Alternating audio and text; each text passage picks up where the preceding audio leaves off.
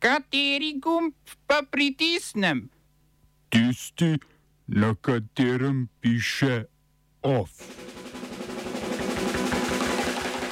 Ameriška zvezdna država Oklahoma v prepoved splava. Evropska unija v postopen embargo na uvoz ruske nafte. Lokalne volitve v Veliki Britaniji in Severni Irski.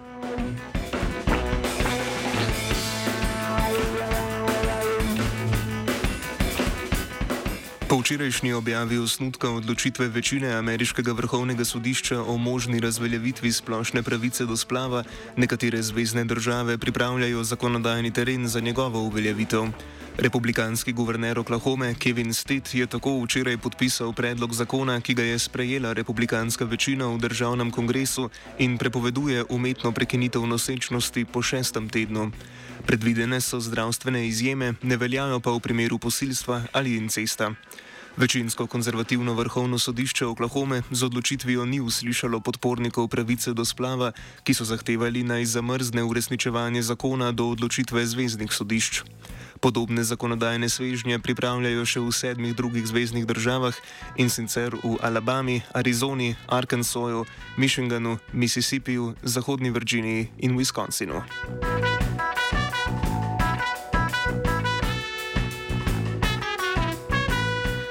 Selimo se v Rusko federacijo. Na ruskem črnem seznamu je danes uradno pristala tudi Japonska.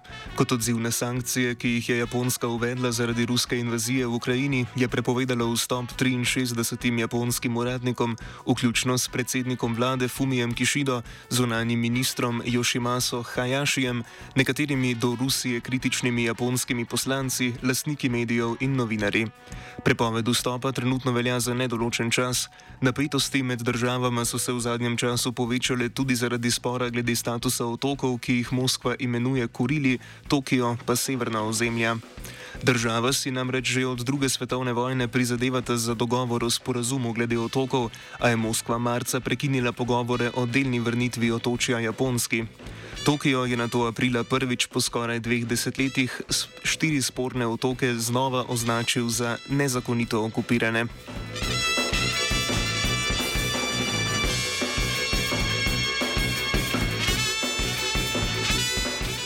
Medtem je predsednica Evropske komisije Ursula von der Leyen na današnjem plenarnem zasedanju Evropskega parlamenta predstavila predlog novega paketa sankcij proti Rusiji zaradi invazije na Ukrajino. Predlog vključuje postopno uvedbo embarga na uvoz nafte iz Rusije v Evropsko unijo, ki bi ga Evropska unija v polnosti uveljavila v šestih mesecih. Ob tem predlog predvideva še izključitev Moskovske kreditne banke, agrikulturne banke in največje ruske banke Sperbank iz sistema SWIFT. Today we are addressing our dependency on Russian oil, and let's be clear, it will not be easy because some member states are strongly dependent on Russian oil, but we simply have to do it.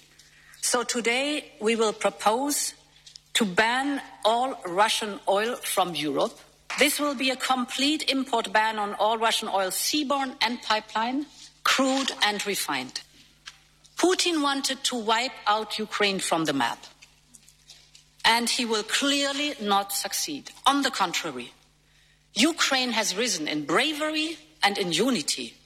And it is his own country, Russia, that Putin is sinking. Honorable members, We want Ukraine to win this war.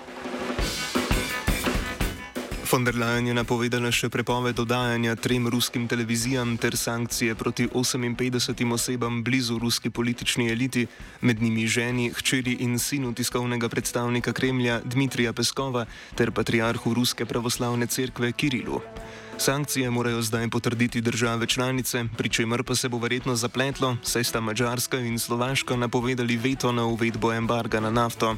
Evropska komisija za njo predvideva izjemo, ki bi jima dovolila, da bi lahko surovo nafto po obstoječih pogodbah od Rusije kupovali do konca leta 2023. Tako za njo ne bi veljalo šestmesečno prehodno obdobje za uvedbo embarga.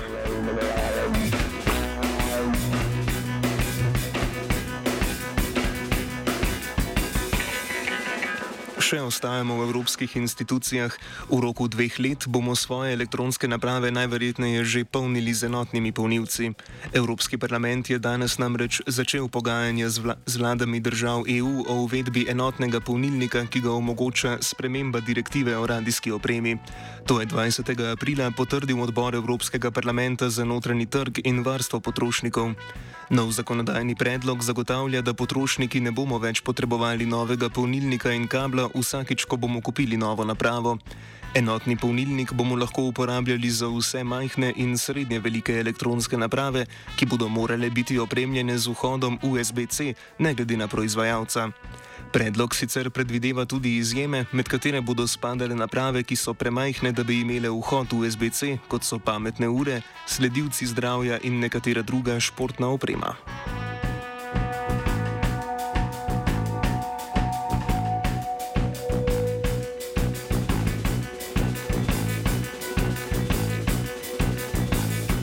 Volitve jutri čakajo državljane Severne Irske, ki bodo izbirali predstavnike v 90-članski regionalni parlament.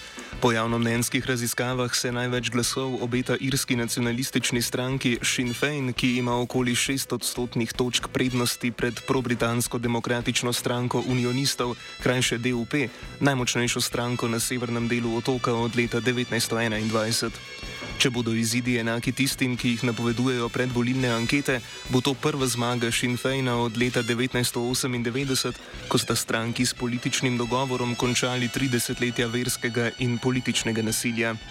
Stranki Sinn Fein, ki je bila v preteklosti politično krilo irske republikanske armade, se tako obeta prevzem vodenja re regionalne vlade v Belfastu.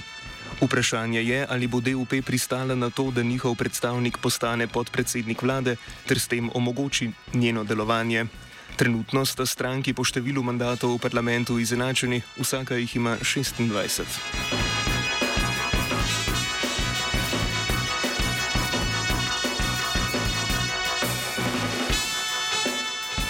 Po plagiatorskem fiasku z motivom kune na hrvaškem evrskem kovancu, ki naj bi si ga izbrani avtor Stjepan Prankovič izposodil od fotografa National Geographica Iana Liča, je Hrvaška centralna banka danes predstavila rezultat ponovljenega izbora, na katerega je prispelo 192 oblikovnih predlogov. Avtor zmagovalne rešitve je študent Jagor Šunde, ki je prejel slabih 10 tisoč evrov nagrade, so avtorja David Čemelič in Franz Zekan pa slabih 4 tisoč evrov. Kuni na kovancu za en evro bodo v denarnicah evropejcev od 1. januarja prihodnje leto družbo delali še zemljevid Hrvaške na kovancu za 2 evra, Nikola Tesla na kovancih za 50, 20 in 10 centov ter črki HR izpisani v glagolici na kovancih za 5 centov, 2 centa in 1 cent. Na vseh kovancih bo tudi element šahovnice. Oba, če, če bom odgovoril na angliški. Slovenija bo poskušala pomagati. Slovenija bo naredila svoj utmost, da bo rekla, da je situacija naš problem, sami. In da bomo naredili nadaljnje korake, as soon as the conditions are. Bomo vlado Marjana Cererja, Marjana Cererja Šarca podprli. Zelo, zelo resno. Slovenija. Vemo, kako in bomo. Okrožno sodišče v Ljubljani je zavrnilo tožbeni zahtevek telekomunikacijskega operaterja T2 in njegovih lastnikov, v katerem od države terjajo 54,7 milijona evrov odškodnine zaradi škode povzročene zaradi domnevno napačnih odločitev sodišč glede stečaja družbe. Družba je pristala v prisilni poravnavi leta 2009, sledili so začetki in prekinitve stečaja. Za stečaj se je zauzemal zlasti državni DUTB, ki je bil prepričan, da bo ta omogočil boljše poplačilo terjatov do družbe. Družba Garnol, 98-odstotna lastnica T2, pa je ustrajala, da razlogov za stečaj ni, saj da je družba solventna. Ustavno sodišče je na to glede stečaja odločalo dvakrat in na zadnje leta 2017 ponovno razveljavilo sklep Višjega sodišča iz leta 2016 o začetku stečajnega postopka.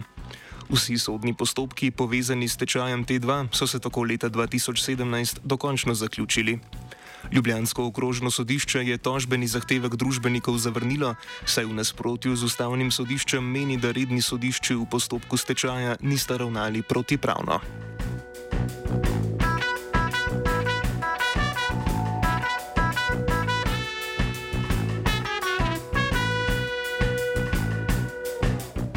Državna volilna komisija je sporočila rezultate preštetih glasovnic iz tujine.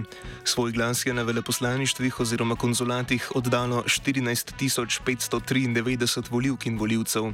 Končne številke kažejo, da je na volitvah glasovalo 1 203 373 voljivcev, oziroma dobrih 300 tisoč več kot pred štirimi leti, volilna udeležba je bila 70,92 odstotna. To je največ po letu 1996. Glasovi iz tujine razmeri med strankami niso spremenili. Zmagovalna stranka Gibanje Svoboda je prejela več kot 410 tisoč glasov, sledi SDS z nekaj manj kot 280 tisoč glasovi, NSI je podprlo dobrih 80 tisoč volilnih upravičencev, SD 400 manj, Levico pa 53 tisoč voljivcev. Najpozneje do 10. maja bo, D bo DVK objavila uradni izid volitev in z njim seznanila predsednika republike, na to pa bodo uradno stekli roki za oblikovanje novega parlamenta in izvolitev vlade.